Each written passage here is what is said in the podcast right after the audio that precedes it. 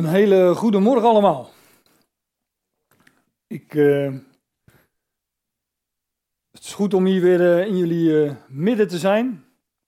Mijn excuus is dat ik een beetje laat was, maar ja, ik dacht ik ga me eens aanpassen aan de gewoontes in, in Den Haag. en zoals Paulus de Joden een Jood was in de Grieken een Griek, dacht ik nou, ik ben de Hagenaars of de Hagenezen een, een Hagenaar of Hagenees. Maar nu schijnt het dat jullie je gewoontes weer aan willen passen. Dus uh, ben ik eindelijk een beetje gewend. Om zo. Uh, ik kwam geloof ik uh, klokslag 10 uur binnen. Of in ieder geval rond de 10 uur. Nou ja, dat is natuurlijk niet netjes als je 10 uur wilt beginnen. Maar de volgende keer zal ik dus wat eerder in de auto springen. Ik heb natuurlijk wel wat excuses, want ik wilde mijn dochter nog gedag zeggen en zo. Maar ja, dat telt allemaal niet natuurlijk. Hè. Maar goed, ik, ik ben er en ja, ik wil het graag uh, met, met jullie hebben over uh, dit onderwerp: Bezaliel en Aholiab. En ik kan me zo voorstellen dat er nu uh, mensen in ons midden zijn die zeggen van, daar heb ik echt nog nooit van gehoord. Of, um, daar heb ik wel eens van gehoord, maar hoe zat dat ook alweer?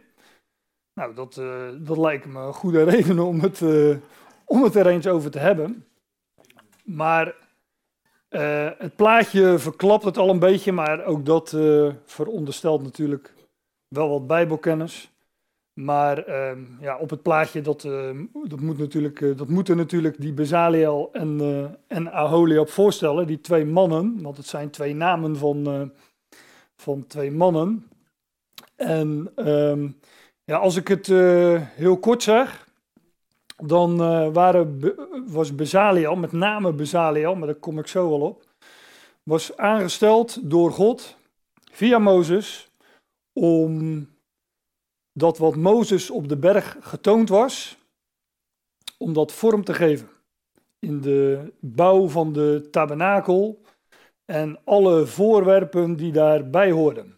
Alle attributen binnen in die tabernakel. En uh, ja, wat je op het plaatje ziet is dat, uh, dat die beide mannen aan het werk zijn aan de ark van het verbond. Dat is natuurlijk het, ja, wellicht, dat hoop ik wel, het meest bekende attribuut in, uh, in de tabernakel. Het ook het meest heilige attribuut.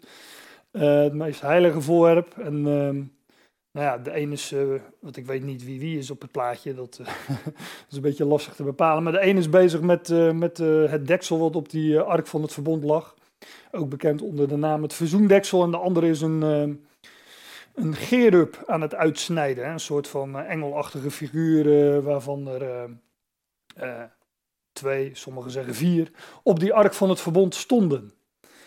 Nou, deze Bezaliel en Aholiab werden dus aangesteld om, om die tabernakel te bouwen, te maken. En ja, ik, uh, die, die tabernakel, dat was een, uh, een tent, dat zeg ik er dan ook maar even bij. Een, uh, als ik dat dan ook heel kort zeg, dan was de tabernakel een, eh, eigenlijk de mobiele tempel. Hè? De, de draagbare, de portable tempel van het volk Israël in de woestijn. Later werd door ehm, koning Salomo een tempel gebouwd hè, van steen. En die, die had een vaste plek. Maar om, uh, om praktische reden was dat uh, in de woestijnreis nogal lastig natuurlijk. Het volk Israël heeft uh, eh, 40 jaren door de woestijn gezworven. En daar hadden zij dus die tabernakel bij zich. En het volk heeft nog wat standplaatsen aangedaan.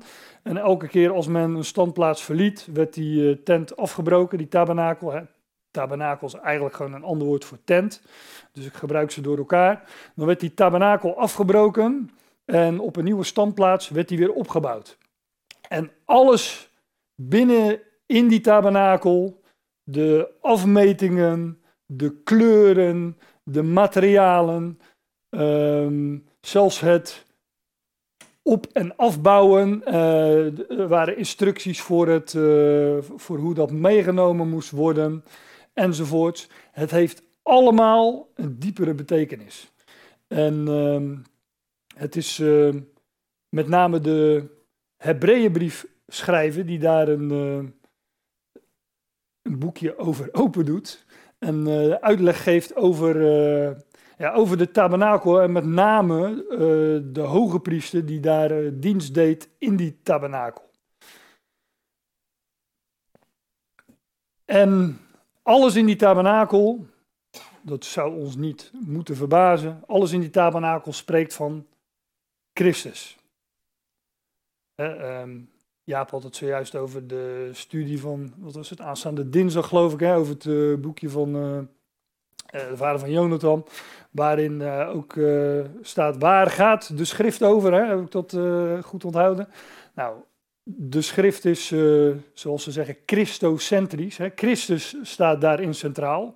Dus het zou ons ook niet moeten verbazen dat we in al die onderdelen, al die voorwerpen van de tabernakel, uh, ook Christus terugzien. Het spreekt van hem. En ik moet daar ook bij zeggen, daarmee spreekt het ook van ons. Want het gedeelte wat, uh, wat Jaap ook nog las uit uh, Efeze 1, 1, maar de hele Efezebrief gaat daarover, dus het had niet zoveel uitgemaakt wat je daaruit had gelezen. Um, dat gedeelte in Efeze 1 dus spreekt ook van uh, het geheim of de verborgenheid. Nou, de geheimenissen, de verborgenheden die Paulus bekend maakte, um, houdt onder andere in dat waar over Christus gesproken wordt in de schrift, het gaat over de Christus, namelijk Christus en zijn lichaam. Wij zijn één met hem. Dus ja, ook, wij vinden dus ook uh, als, uh, als Ecclesia, als, als de gemeente, uh, onszelf terug uh, in die tabernakel. Nou, dus het zou ook niet moeten verbazen dat Bezaliel en Aholiab, dat ook zij een, een betekenis hebben. Wat ik eerst ga doen is uh, um, een gedeelte lezen waar gesproken wordt over deze Bezaliel en Aholiab. Er zijn niet zo heel veel gedeelten waar over hen gesproken wordt.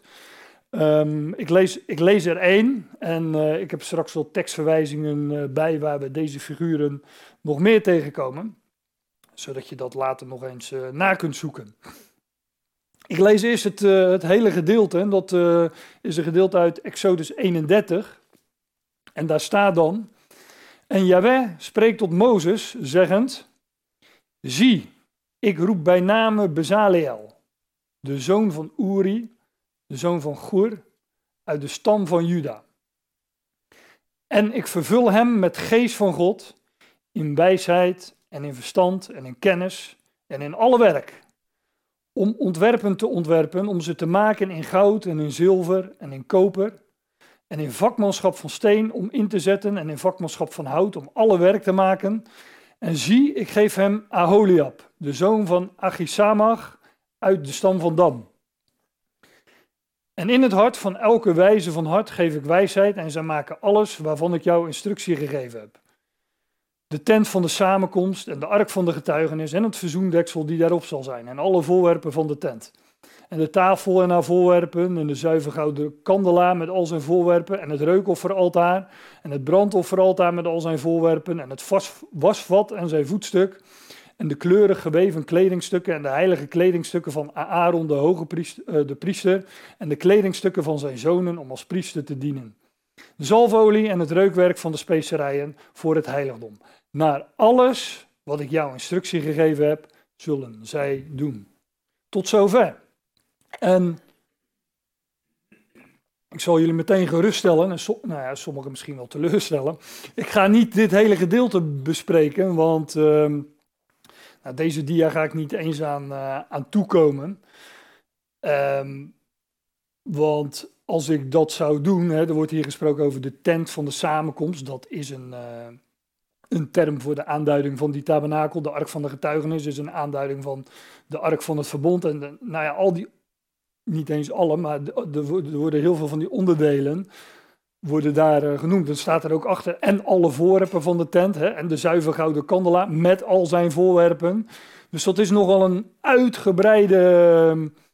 Um, het, zou, het, zou, nogal een uitgebreide studie zijn om het over al die zaken te hebben. En ik zou het over elk voorwerp, elk attribuut, um, specifiek kunnen hebben en daar een hele Bijbelstudie en misschien wel een, uh, een hele serie Bijbelstudies over te geven. Want ja, dus als ik de Ark van het Verbond dan als voorbeeld neem, ja, daar zit zoveel in. Letterlijk ook trouwens, want de staf van Aaron lag daar nog in. En, een kruik met manna en de, staf van, de staf van Aaron noemde ik al, dat was die derde ook alweer. Hm? Ja, die stenen tafelen natuurlijk, die, waarop de tien geboden of de tien woorden gods stonden. Overigens vind je dat ook, hè, dat vind je ook in, in Hebreeën, in Hebreeën 9. Daar noemt de schrijver van de Hebreeënbrief, die gaat in op met name het priester, op de priester, de hoge priester op de grote verzoendag. Maar hij noemt in Hebreeën 9 ook ehm, Um, daar spreekt hij over de tabernakel en de vertrekken die daarin waren.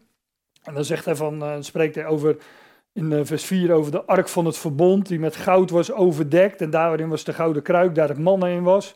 En de staf van de Aaron die gebloeid had en de tafelen van het verbond. Nou, dan spreekt hij in het volgende vers nog over de gerubs. En dan zegt hij daar achteraan, van welke dingen wij nu van stuk tot stuk niet zullen zeggen of niet zullen spreken. Oftewel, ja, ik zou daar uitgebreid over kunnen verhalen, zegt de schrijver van de Hebreeënbrief, maar dat ga ik nu stuk voor stuk niet doen. Uh, maar dat is natuurlijk wel te doen. En ik ga dat dus ook deze ochtend van stuk tot stuk niet doen. Maar dat is dus wel te doen. Maar nogmaals, dat zou een hele serie zijn. En uh, nou, wellicht uh, als ik hier nog eens sta, dat ik ook eens een van die andere, een van die voorwerpen zal bespreken.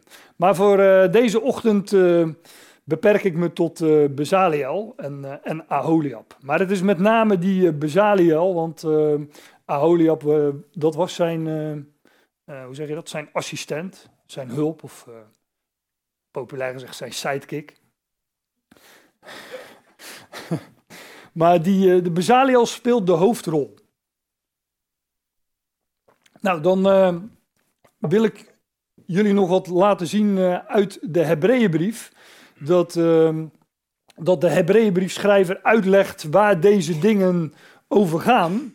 En uh, dat, het, uh, dat, dat het beelden zijn van, uh, ja, hoe zeg je dat, hogere geestelijke waarheden. Overigens zongen we net een lied, met name de twee dames, die zongen dat lied. Hè. Um, maar daar stond zoiets in als gebeden die opstijgen als reukwerk. Maar dat is natuurlijk ook beeldspraak. En dat is, een, dat is een verwijzing naar het reukofferaltaar. Dat in een van die vertrekken stond van, van de tabernakel. Namelijk in het heilige. Er waren twee vertrekken. Laat ik de voorhof even buiten beschouwen. Maar er waren twee vertrekken. Het heilige en het heilige der heiligen. Nou, laat ik daar maar niet verder dingen over gaan zeggen. Want dan kom ik aan mijn onderwerp niet meer toe. Maar de Hebreeënbriefschrijver zegt, de hoofdsom nu van de dingen waarvan wij spreken, dus het belangrijkste, de hoofdzaak van waar ik, uh, waarvan wij nu spreken, is, dubbele punt, wij hebben zulk een hoge priester, die is gezeten aan de rechterhand van de troon van de majesteit in de hemelen. Ik lees even verder. Een dienstverrichter van de heilige plaatsen en van de ware tent, die de Heer opricht en niet een mens. En ik moet dat natuurlijk wat kort doen, want ik, uh, ik wil echt naar Exodus 31. Maar ik wil, uh, ik wil jullie vast in de sfeer brengen waar de Hebreeënbriefschrijver ons ook in brengt. Um, en de, ja, dit is hoofdstuk 8, er zijn natuurlijk hoofdstukken aan vooraf gegaan. Waarin de schrijver van de Hebreeënbrief spreekt over Christus, die meer is dan de engelen, maar die ook meer is dan Aaron, de hoge priester van, uh, van het oude verbond. En eh, daarom zegt hij, de, de het belangrijkste, de hoofdzaak waarvan wij spreken, is dat wij hebben zulke hoge priester, die is gezeten aan de rechterhand van de troon van de majesteit in de hemelen. Het gaat over Christus. God heeft Christus opgewekt en hij heeft hem gezet aan zijn rechterhand in de hemel. En zoals die hoge priester hier op aarde een dienstverrichter was van de heilige plaatsen, die heilige plaatsen noemde ik zojuist, hè, het heilige en het heilige der heiligen, of het heilige en het allerheiligste vertrek.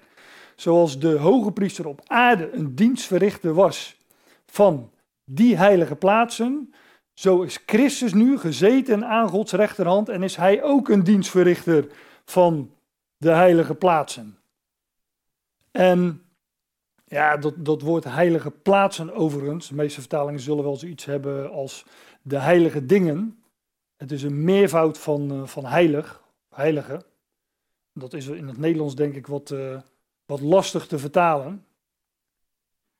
Er staan wel meer van die woorden in de Bijbel. De Hebreeënbrief heeft het bijvoorbeeld ook over de toekomende goederen. Zo staat het dan in onze vertaling, maar dat is gewoon het uh, meervoud van goed. Het, de het toekomende, de toekomende, ja, de goede dingen of uh, het toekomende goeds. Zou wellicht een vertaling kunnen zijn, maar daar gaat het dus over. Van, een, hij is een dienstverrichter van heilige plaatsen of heilige dingen. En van de ware tent. Van de ware tent. Die de Heer opricht en niet de mens. Oké, de hoge priester op aarde, die deed dienst in heilige plaatsen met heilige dingen. Bij een tent hier op aarde, maar die door een mens werd opgericht. En de Hebreeënbrief schrijven zeg maar, wij hebben een hoge priester die gezeten is aan Gods rechterhand, uh, aan de rechterhand van de troon van de majesteit in de hemelen. En hij verricht ook een dienst, een heilige dienst. En dat doet hij um, als dienstverrichter van de heilige plaatsen, van, namelijk van de ware tent.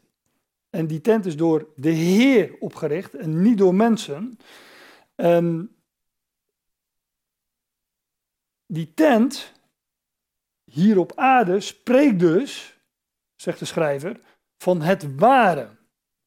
Wij zouden het wellicht omdraaien en zeggen van, maar dat doet de schrijver van de Hebreeënbrief niet. Hij zegt van, die tent was slechts een uitbeelding, zeg het even met mijn eigen woorden, die tent was slechts een uitbeelding van het ware. En wat is dan het ware? Nou, dat vinden we in Hebreeën 9. Want Christus kwam niet binnen in heilige plaatsen met handen gemaakt, hè, niet door mensen opgericht, zei Hebreeën 8 vers uh, eh, 2. Christus kwam niet binnen in heilige plaatsen met handen gemaakt, zoals die hoge priester dat op aarde wel deed. Hè, en de priesters, die gingen, een, die gingen het heilige of het heilige der heiligen binnen. Dat waren vertrekken, uh, plaatsen, dingen met handen gemaakt. Maar, zegt hij, dat zijn tegenbeelden van de ware dingen. Dat, is tegen, dat zijn beelden van het ware. Christus is, kwam niet binnen, is niet binnengegaan in heilige plaatsen met handen gemaakt. Dat zijn slechts tegenbeelden van eh, de ware dingen. Maar in de hemel zelf. Dus waar is die tent, die tabernakel, een beeld van? Hier staat het gewoon.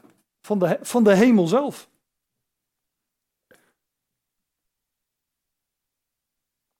Dus Christus die gezeten is aan Gods rechterhand in de hemel,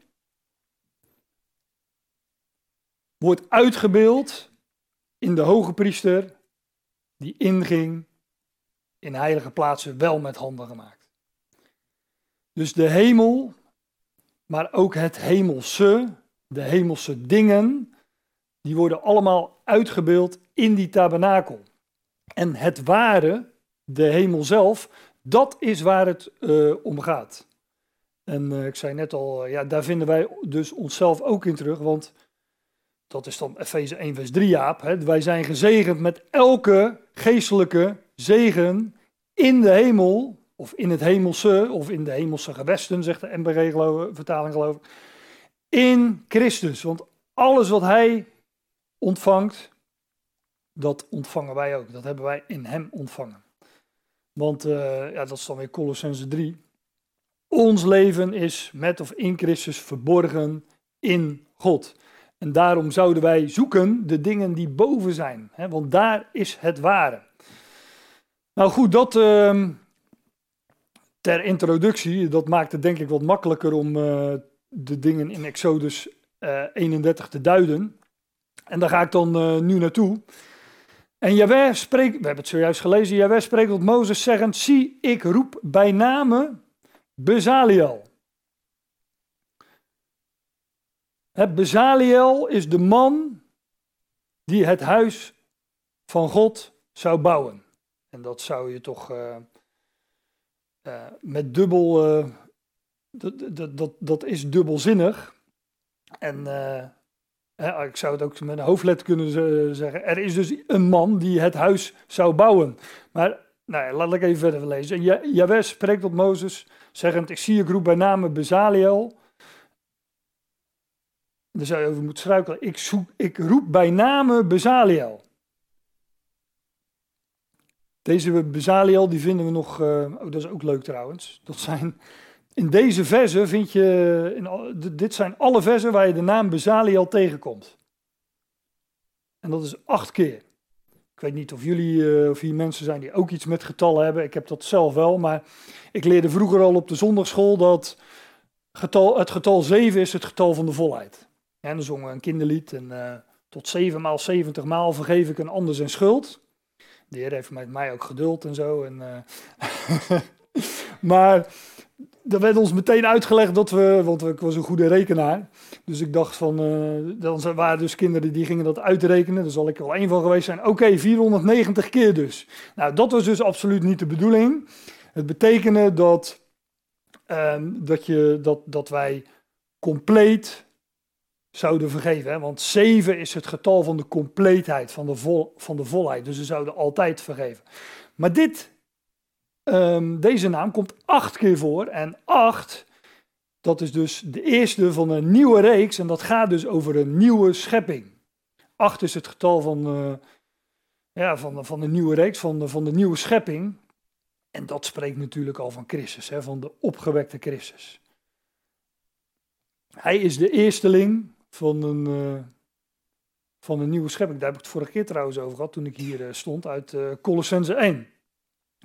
Maar er staat, ik roep bij name, letterlijk in naam, Bezaliel. Maar dan zou je gelijk op aan moeten slaan. Dan zou je moeten denken van ja, maar wat betekent die naam dan? En dat is mooi, want die naam betekent in schaduw van God. Dus Bezaliel zijn naam betekent in schaduw van God. En dan neem ik jullie nog een keer mee naar de Hebreeënbrief. Want de Hebreeënbrief zegt, want de wet, het oude verbond, al die rituelen, die wetsartikelen, die, die voorschriften, maar soms is de wet gewoon synoniem voor ons hele, wat wij noemen het Oude Testament. Want de wet, hebbende, de wet heeft een schaduw van toekomende goede dingen. Daar heb je dat woord, meervoud van goed. Toekomende goederen, toekomende goede dingen, het toekomende goeds. Niet de afbeelding van de zaken zelf. Dus de wet is een schaduw. Dat wat in de wet wordt beschreven, dat zijn contouren, of anders gezegd, dat is een voorafschaduwing van iets anders, namelijk iets van wat op dat moment nog toekomend was, van toekomende goede dingen. Het is niet de afbeelding van de zaak zelf. Dus daar is een schaduw, maar een schaduw veronderstelt ook licht. Hè? Dus uh, we zien hier op het plaatje alleen die schaduw. Maar door die schaduw weten wij twee dingen. Er moet een, uh, we zien een, uh, de contouren van een, lichaam. En daardoor weten we, er moet, er een lichaam zijn en er moet licht zijn. Nou, dat is de wet. De wet laat dingen zien, maar het is duister in zichzelf. Hè, dat is ook wel een schaduw is. Ja, het zijn, uh, ik weet niet of jullie dat wel eens gedaan hebben, maar uh, heel veel van die schriftgedeelten uit bijvoorbeeld Exodus. Ja, dat zijn geen dingen die uh, even lekker na de maaltijd van laten we even een stukje lezen en dat je dan wat van die zo'n beschrijving van zo'n van zo'n offerritueel bijvoorbeeld gaat lezen. Voor het eten, ja. nou, dat is de gewoonte bij jullie uh, thuis blijkbaar. ja, als je. nou ja. Ik wou zeggen, als je zelf honger hebt en je wil de anderen de lust tot eten ontnemen, dan. dan is het misschien handig om te doen. Maar die, er zijn heel veel van die rituelen die zijn nogal in zichzelf duister, hè, bloederig. Maar het zijn ook schaduwen, duister in zichzelf. Maar ja, als je gaat zien waar het een voorafschaduwing van is, dan, uh, dan, dan ga je licht zien. En dan ga je zien waar de zaak zelf, waar het werkelijk van spreekt. De wet hebben een schaduw van toekomende dingen, niet de afbeelding van de zaken zelf. Heb ik er nog een? Hè, want er zijn minimaal twee of drie getuigen nodig. Maar Paulus zegt in Colossense 2, laat dan niemand jullie oordelen in eten en in drinken, of op het punt van een feest of van nieuwe maan of van sabbatten. Ja, die, dat moet ik er dan bij zeggen, die Colossense, daar was Paulus nooit geweest, maar uh, uh, hij had wel van hen gehoord en uh, was blij blij met wat hij hoorde. Maar hij had ook gehoord dat daar um, ideeën binnenkwamen die, uh, ja, die de, de rust en het, het staan in de genade zouden kunnen verstoren. En uh, hij noemt daar onder, onder andere filosofie en ijdele filosofie, namelijk ijdele verleiding. Maar er waren blijkbaar ook mensen gekomen die zeiden van ja, je bent nu wel uh, gelovige, je bent nu wel rechtvaardig, maar als je rechtvaardig wilt leven, ja, dan zul je ook die spijswetten moeten houden en de hoogtijden, de feesten, uh, de maanden, hè, de, van nieuwe maan of van, en, en, en de sabbat. En zelfs de besnijdenis noemt hij verderop ook nog in dit hoofdstuk. En alsof dat iets zou toevoegen, en hij zegt ehm, in dit hoofdstuk, in, in Colossense 2.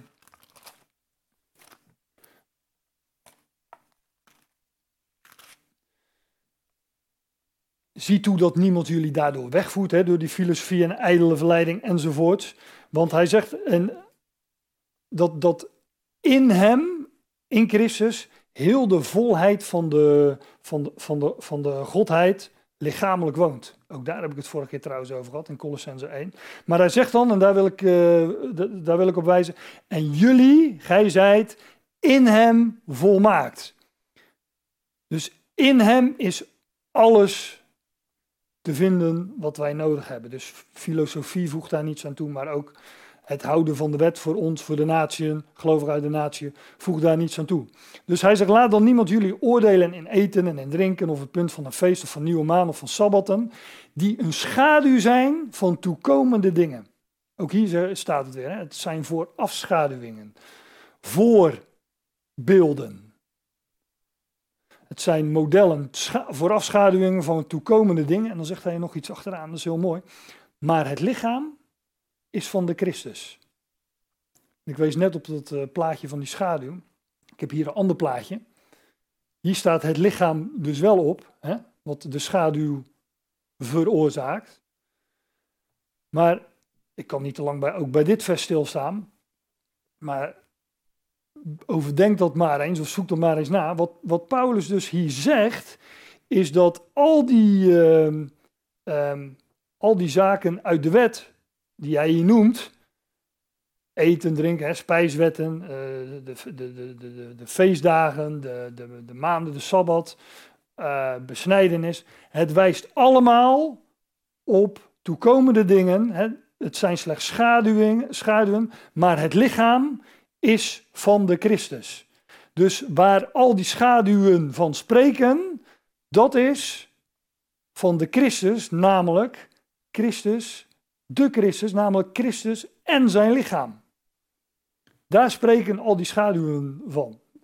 Natuurlijk, het spreekt van Christus, maar het geheim dat Paulus bekend maakt is dat uh, wij, gelovigen uit de natie, één zijn met Christus. Dus al die schaduwen spreken dus ook van ons.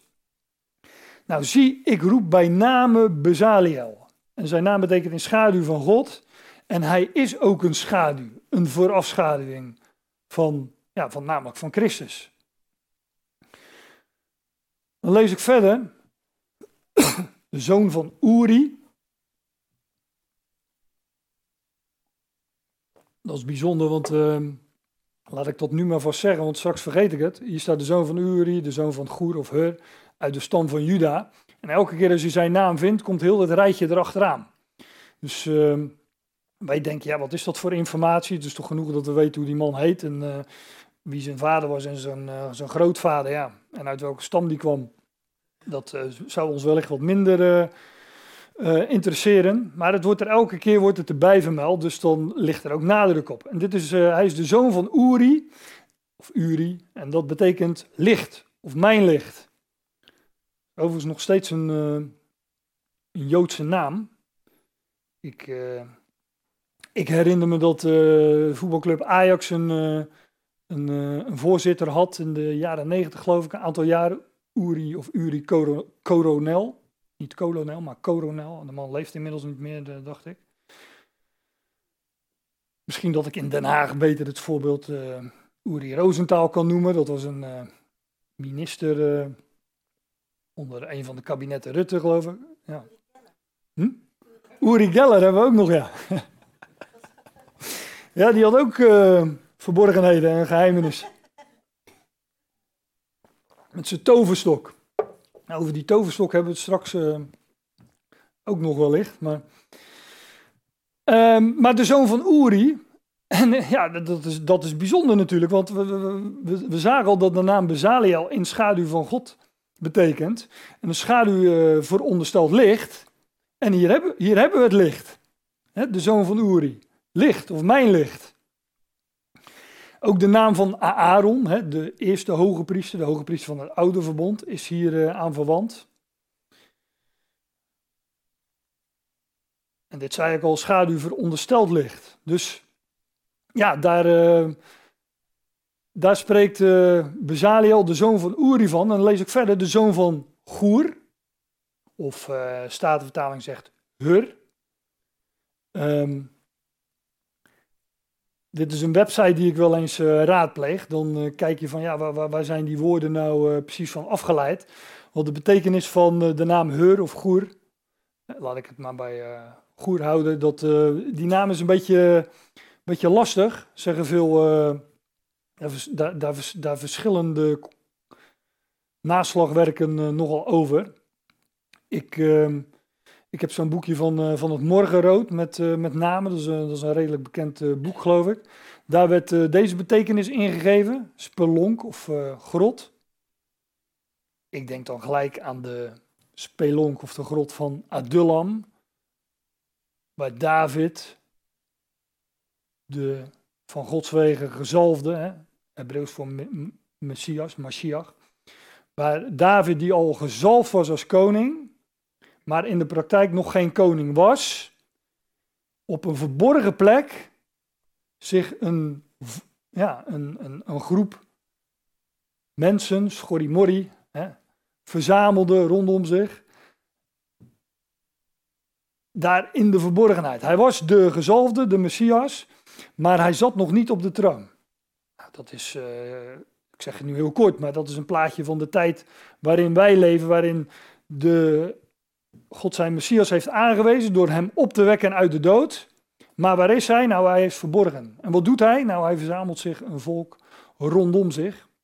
Waarvan Paulus zegt uh, in 1 Korinthe 1 dat het uh, niet vele machtigen, niet vele edelen en niet vele wijzen zijn. Nou, en, uh, maar een, een, de, die, de, de, naam Goer of Hur, die komt dus van die, die twee woorden en daar staan strongnummers achter, zodat je kan zien waar dat nog meer voorkomt. Nou, die H staat voor Hebreeuws, maar die 2352, daar, daarvan zegt men dat betekent spelonk of grot. En die 2353, dat betekent wit linnen.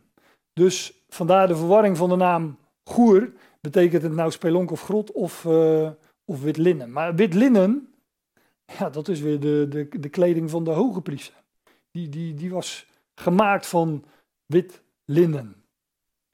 Dus het, uh, ja, hoe je het ook uh, wendt of keert of beziet, het spreekt allemaal van hem. Van de opgewekte Christus. Zie ik roep bij name Bezaliel, hè, hij is de voorafschaduwing, dat zegt zijn naam. De zoon van Uri, hij, hij veronderstelt licht, hij wijst ook op het licht. De zoon van Goer, gekleed in wit linnen en eh, in ieder geval of verborgen in een spelonk of grot. En die Hur of Goer, die kennen we, die kennen we tenminste uh, als je op de zonderschool geweest bent. Oh, dat, uh, dat komt de dia verder. De maar wat ik, wat ik ook nog moet zeggen over uh, Goer, dit is zijn naam, zoon van Goer, dat is dat um, deze, deze, deze Goer, die, die kennen we uit de geschiedenis, daar zal ik straks op wijzen. We kennen hem ook uit, uh, uit nou ja, dat is wat een recentere geschiedenis, want hier staat in het Hebreeuws Ben Hur. En daar is een, een boek van. Misschien wel meerdere, dat weet ik niet. Maar er zijn in ieder geval meerdere films over, over Ben Hur gemaakt. En ik weet nog nou, bij mij is het heel lang geleden dat ik die gezien heb. Die, die film is volgens mij uit de jaren 50 of 60. Dat is echt een hele oude film. Die, die werd vroeger nog wel eens uitgezonden. Misschien nu nogal hoor, dat, uh, dat weet ik niet. Maar Ben Hur, dat komt, dat komt dus ook hier vandaan. Um, die naam Goer, die, uh, dat, dat wil ik laten zien. In, dat zien we straks ook in het volgende vers of de volgende verse. Maar in Exodus 35, waar ook gesproken wordt over Bezaliel. Hè, die, daar wordt gezegd. En Mozes zegt tot de zonen van Israël: Ziet, Jawel heeft Bezaliel. Dus, en ook weer dat hele rijtje. De zoon van Uri, de zoon van Goer, uit de stam van Juda. Geroepen. En hij vervult hem met geest van God. Hij werd met geest vervuld om die tabernakel vorm te geven. Maar het woord geest in het Hebreeuws is het woord ruach. En dat is een, uh, een, een anagram van goer. Als je die, uh, ik, kan het, ik kan het niet aanwijzen, ik kan het wel aanwijzen, loop ik er gewoon naartoe. Maar als je die uh, Hebreeuwse letters, je moet Hebreeuws van rechts naar links lezen, goer, als je die omdraait, dan krijg je dus het woord ruach. Dus het,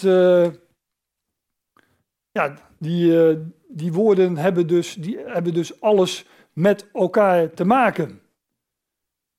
Het geest en goer. Goer is een, uh, een anagram van ruach. Ja, dat spreekt, en geest spreekt van leven, van nieuw leven. het is God, God wekte Christus uh, op uit de doden en hij werd gezalfd met, uh, met geest.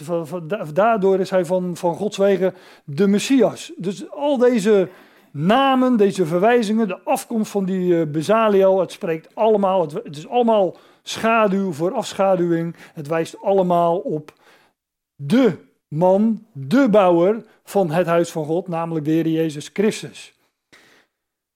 En Goer kennen we natuurlijk ook nog uit uh, dit verhaal wat we vinden in Numeri, ik dacht Numeri 17, waar het volk Israël beneden in het dal een strijd heeft met Amalek.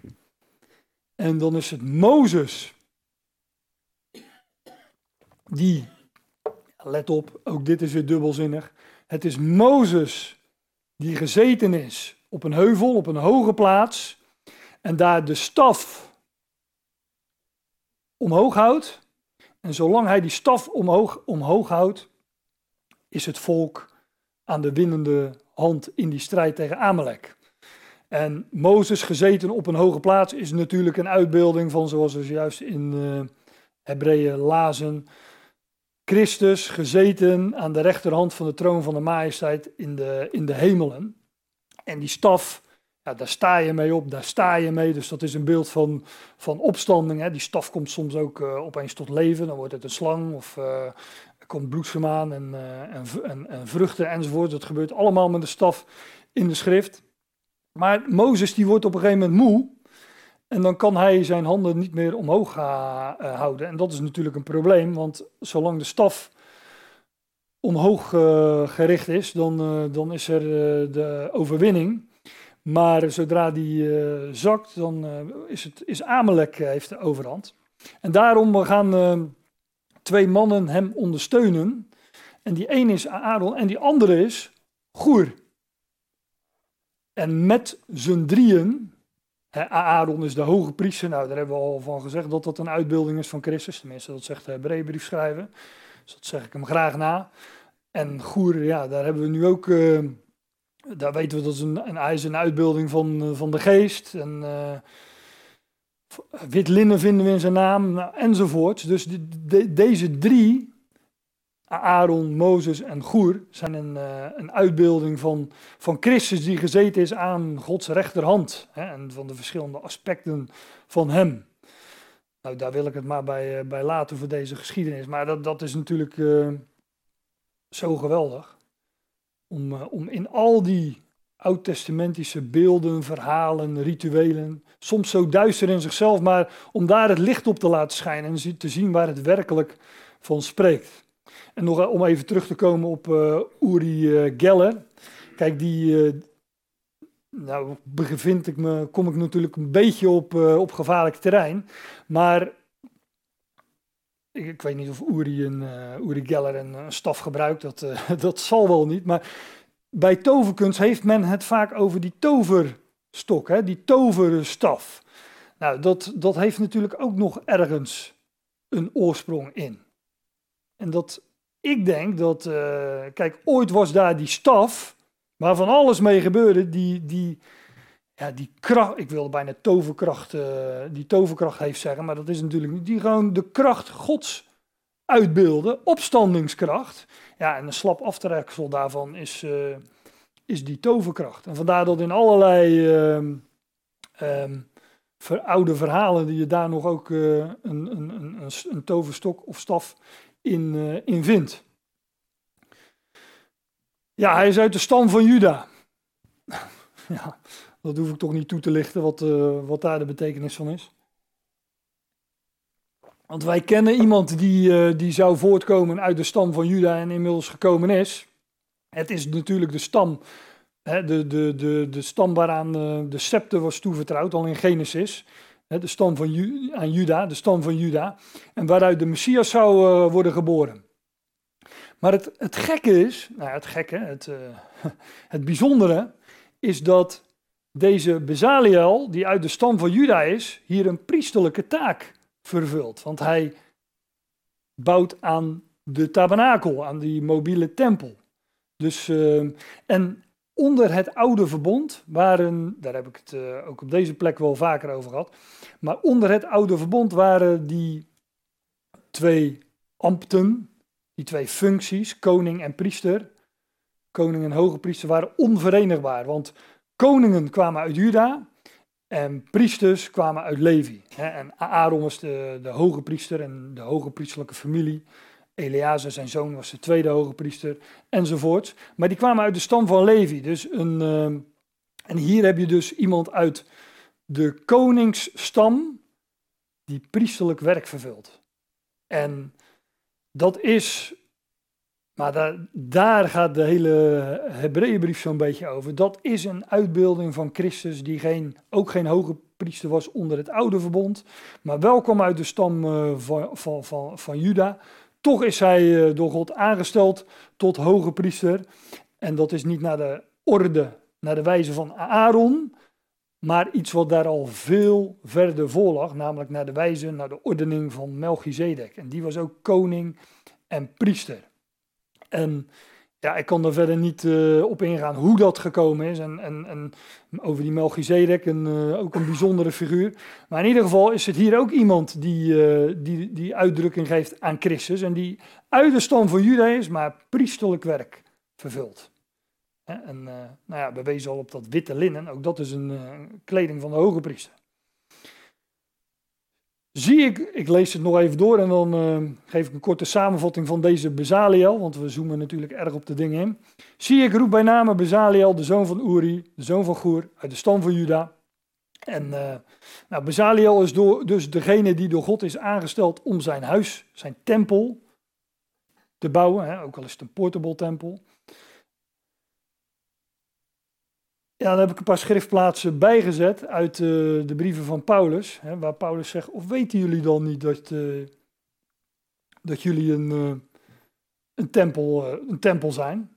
Of in, in Efeze 2, waar hij het heeft over, ook over een tempel, hè, dat wij een geestelijke woonplaats van God zijn. Want God bouwt nu ook een tempel. Er is wel, weliswaar op aarde geen zichtbare tempel. Die zijn allemaal ook die hielden geen stand, die gebouwen van steen. Maar God bouwt wel degelijk nu een tempel. Alleen, ja, dat zijn, uh, die is niet van stenen, maar, uh, maar dat zijn wij. Hij, woont, hij woont in ons, in zijn ecclesia, in, zijn, uh, in, in, in, in de Christus, in Christus en zijn lichaam. Nou, zijn naam spreekt van schaduw, maar zijn oorsprong is uit licht. Of had ik moeten zeggen, en zijn oorsprong is uit licht. En uit geest, hè, Ruach. Net als de leeuw van Juda is hij, of hè, dat, dat vind je tot in openbaring. Vanaf Genesis noemde ik net al tot in openbaring. Hij is of, net als de leeuw van Juda afkomstig uit de stam van Juda, maar hij heeft ook een, een priesterlijke functie. Nou, alles wijst. Alles is een voorafschaduwing. In deze Bezaliel is in alles een voorafschaduwing van Christus. En ik vervul hem met geest van God in wijsheid en in verstand en in kennis en in alle werk. Ja, kijk, die Bezaliel, er wordt vaak gezegd van ehm, ehm, dat God die Bezaliel, maar ook die Aholiab toerusten, zodat ze, ja, hoe zeg ik dat, uh, dat ze twee rechterhanden hadden en dit alles konden maken. Hè? Maar ik denk dat, dat, dat deze mannen, het staat hier ook, zij kregen wijsheid, verstand, kennis in alle werk. Ik denk dat zij uh, uh, dat, dat handwerk, dat zij, van, dat, dat, dat zij uh, dat handwerk wel redelijk onder de knie hadden, maar dat, dat God hen met zijn geest vervulde om de dingen die Mozes had gezien tot uitdrukking te brengen in die tabernakel. Dan is ook nog de vraag, wat heeft Mozes nou precies gezien? Was dat een maquette van de tabernakel? Of heeft God hem inzicht gegeven in geestelijke waarheden? Heeft hij dat gezien? Daar, ja, dat, dat, is vanuit de tekst lastig te bepalen, maar ik, uh, ik opteer toch voor dat uh, laatste. Um, dat, uh, dat God hem inzicht heeft gegeven, onderwijs heeft gegeven in geestelijke waarheden. En, de, en God vervult met en God vervult deze Bezaliel met geest van God. Want in de, in de brieven van Paulus, maar ook in, uh, ik heb hier bijvoorbeeld ook uit Johannes Evangelie, daar vind je wat die geest doet. Hè? De geest zou ons in heel of in al de waarheid leiden. Dat is wat de geest doet. Of Paulus in 1 Korinthe 2, wij namen niet de geest van de wereld, het denken van de wereld in ontvangst, in ontvangst maar de geest die uit God is. Hoezo dan? Nou, opdat wij de dingen weten die door God genadig aan ons gegeven worden. En God schenkt ons dingen in genade en hij geeft ons zijn geest, zodat we die dingen zouden weten, kennen, beseffen enzovoorts.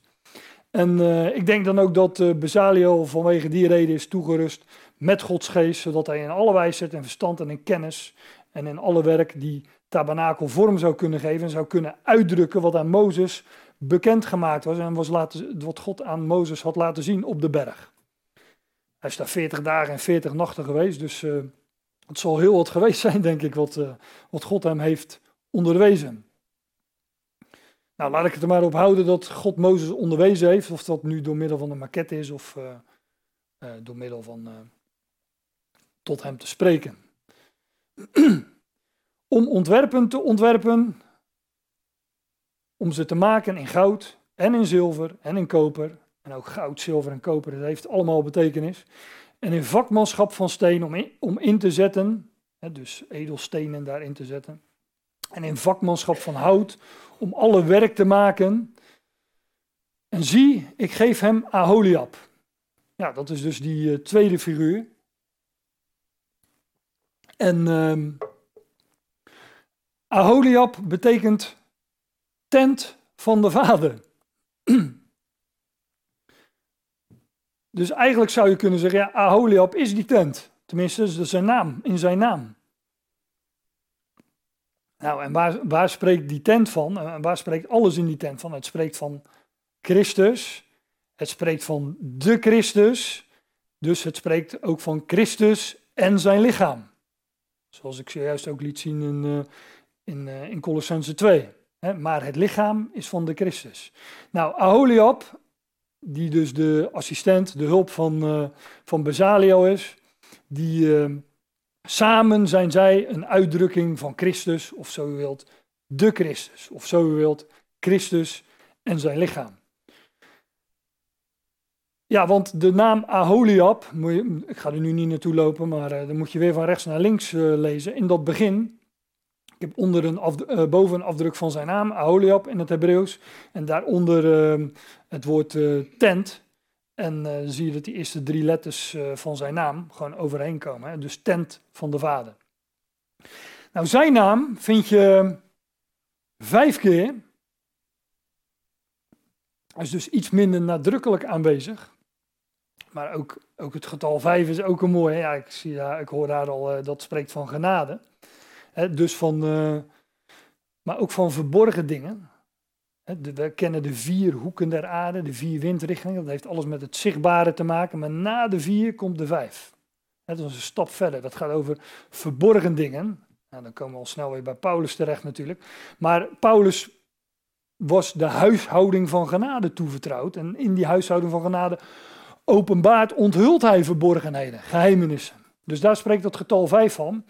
En uh, als er nou mensen zijn die, uh, die denken van ik tel die twee bij elkaar op, dan kom ik op 13 en dat is niet goed. Dan zeg ik van nou, dat is misschien bij ons zo. Maar in de schrift is dat, uh, is dat toch even een, een ander verhaal. Hè? Er is het getal 13 geen ongeluksgetal. Het is wel het getal van een omwenteling, van een verandering.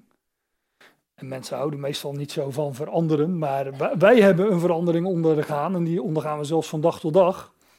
Die, uh, nou, waar ik erg blij mee ben. God heeft ons nieuw leven gegeven. We zijn, van, we zijn geen oude mens meer, maar een nieuwe mens. En, uh, dus dat is een geweldige verandering. En daar spreken die Bezaliel en Aholiab samen van. En de grootste omwenteling in de geschiedenis is de steen van het graf die omgewenteld werd. En ja, het getal 13, uh, ehm, nou, daar ga ik niet te veel over. Ik noem maar één voorbeeld. Hè. De, de, de, de stad Jericho viel uh, nadat er 13 keer omheen was gelopen. En daar kwam een omwenteling tot stand. Nou, nog één dan. Het woord voor, het, het woord voor één in het Hebreeuws, echat, heeft een getalswaarde van 13. Hebreeuwse letters hebben in de Hebreeuwse letters hebben een betekenis, maar ook een, een getalswaarde. Net als bijvoorbeeld de Romeinse letters, hè, die kennen we, Romeinse cijfers. Nou, ze hebben die Hebreeuwse letters dat ook. En als je de, um, als je de getalswaarde van het woord egat optelt, kom je op 13. Bij het woord liefde trouwens ook. Ahaba of ahaba. Maar liefde is de drang tot eenheid. Nou, daar spreekt die 13 van, van een omwenteling. Van, uh, nou ja. Geweldig om, om, om en dat is maar een tipje van de sluier hoor. Dus, uh, maar, maar, eh, in de schrift zit zoveel in. Elke letter spreekt van hem en van, van, van, van, van, van, van, uh, van God en zijn plan. Ik lees verder. De zoon van Achisamach. Ja, dat is dus de, hij is de zoon van de ondersteunende broeder. Nou, dat is Aholiab dus. En van Christus wordt gezegd, uh, dat wordt dan aangehaald uit de psalmen. Volgens mij is dat ook de Hebreeënbrief. Daar wordt gezegd dat hij um, te midden van een grote gemeente zal ik u loszingen of zo. En dan staat er uh, dat hij zich niet schaamt om hen broeders te noemen. Hè? Dus wij zijn, uh, wij, ja, wij zijn zijn lichaam, wij zijn zijn ondersteunende broeders. Ook in, uh, dan kom ik weer op wat, het schriftgedeelte wat jij net las uit Efeze 1. Daar staat dat God deze hele schepping gaat brengen waar hij hem hebben wil onder één hoofd samen gaat vergaderen, maar dat, dat is in Christus. En dat, daar maken wij deel van uit. Want alles wat aan Hem beloofd is, daar delen wij. Dus wij zijn in die zin ook de ondersteunende broeders in die, uh, in die taak. Geweldig. Ja, uit de stam van Dan. En uh, kijk, Bezaliel die kwam uit de stam van Juda. En Aholiab uit de stam van Dan. Later had je het twee- en tien stammenrijk. ja, en uh, ik aarzel nu een beetje om daar, uh, om daar nog veel over te gaan zeggen, want ik kijk ook een beetje naar de tijd. Maar dat tien stammenrijk is op zeker moment in ballingschap weggevoerd. Dat is met twee stammenrijk ook gebeurd, maar die zijn uiteindelijk is, is, is, is, een, uh, is, dat twee, is, is, dat, is dat tien stammenrijk voor het grootste deel verdwenen onder de natieën. En um, er is een klein deel van alle twaalf stammen teruggekeerd naar het land, maar dan niet naar uh, het hele land, maar naar het gebied van Juda. En een groot deel van het tien stammenrijk dat verdween onder de natieën. En ik denk dus ook dat de stam van Dan, want dat was een van die tien stammen, dat dat eh, hierin ook een verwijzing is naar, uh, naar de natieën. En we vinden hier een, een bouwer van de tabernakel uit de stam van Juda en een uit die tien stammen. He, dus Juda, anders gezegd Jood en Heiden zijn daarin vertegenwoordigd, zoals dat ook in de Ecclesia het geval is. En dan betekent rechter, hè, hij die recht verschaft. En Paulus zegt in 1 Corinthië 6, vers 2 en 3, weten jullie dan niet dat wij de wereld recht zullen zetten, zullen oordelen?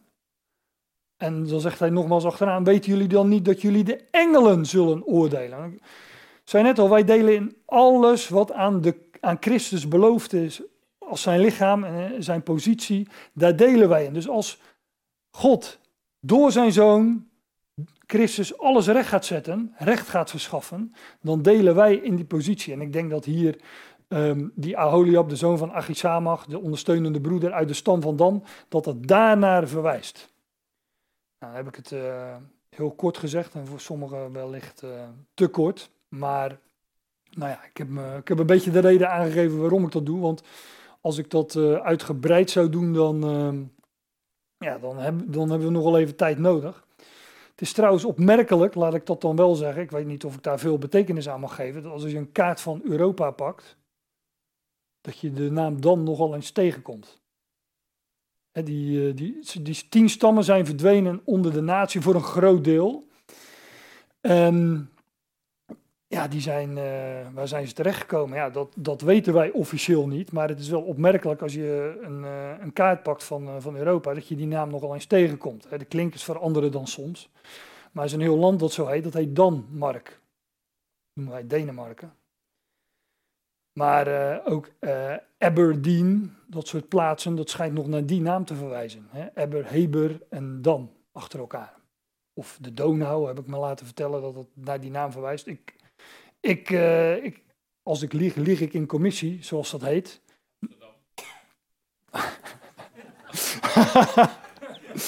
nee, dat schrijf je anders. ja. maar ja, je komt die naam nogal eens tegen. En, ehm, nou ja, daar moeten we denk ik niet te veel conclusies uittrekken, maar het is, wel, het is wel opmerkelijk. En in het hart van elke wijze van hart geef ik wijsheid en ze maken alles wat ik jou instructie gegeven heb. De tent van de samenkomst, dan klik ik even door en dan komt dus dat tweede gedeelte van dat, uh, ja, van dat gedeelte uit Exodus 31 wat ik heb gelezen. En, uh, de tent van de samenkomst, de ark van de getuigenis. Zij zouden dat allemaal maken en alles spreekt van hem en van Gods werk, Gods plan, wat hij in hem gaat volvoeren. En uh, ja, daar mogen wij deel van uitmaken. En uh, ja, dit is mijn laatste dia. Ik ga deze, nogmaals, ik ga deze dia niet bespreken, want dat uh, voert veel te ver. Um, en ehm, ik wilde het voor deze ochtend houden bij de figuren van Bezaliel en Aholiab. En ik hoop dat ik een, een, tipje van de sluier daarmee heb mogen oplichten. Zodat wij met recht ontdekken wat daar de betekenis van is. Maar voor nu laat ik het hierbij. Zal ik uh, met jullie afsluiten met uh, onze God te danken. En wellicht dat we dan nog een, een lied zingen, maar dat laat ik aan de ceremoniemeester over natuurlijk. Trouwe God en Vader, we danken u dat we zo rondom uw woord bijeen mochten komen. En dat we zo'n geschiedenis, zo'n eigenlijk een beschrijving die al zo lang geleden opgetekend is, dat we, dat we daar in mogen zien waar het van spreekt. Dat, het, dat we daar het licht op mogen laten schijnen, het licht van, van uw woord. En dat we mogen zien waar, dat het een voorafschaduwing van uw zoon, Christus Jezus, waarin u heel uw schepping gaat brengen waar u die hebben wil.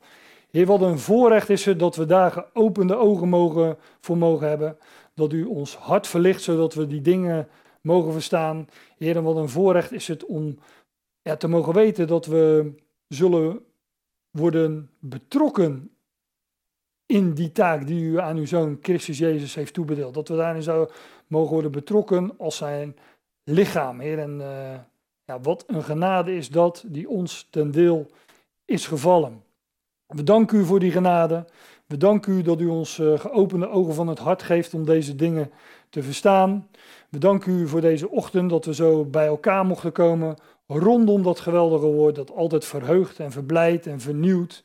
Heer, en we danken u dat u onze God bent. En dat, maar niet alleen onze God, dat u een plan heeft met heel uw schepping. En dat u heel uw schepping door uw Zoon Christus Jezus gaat brengen waar u haar hebben wil.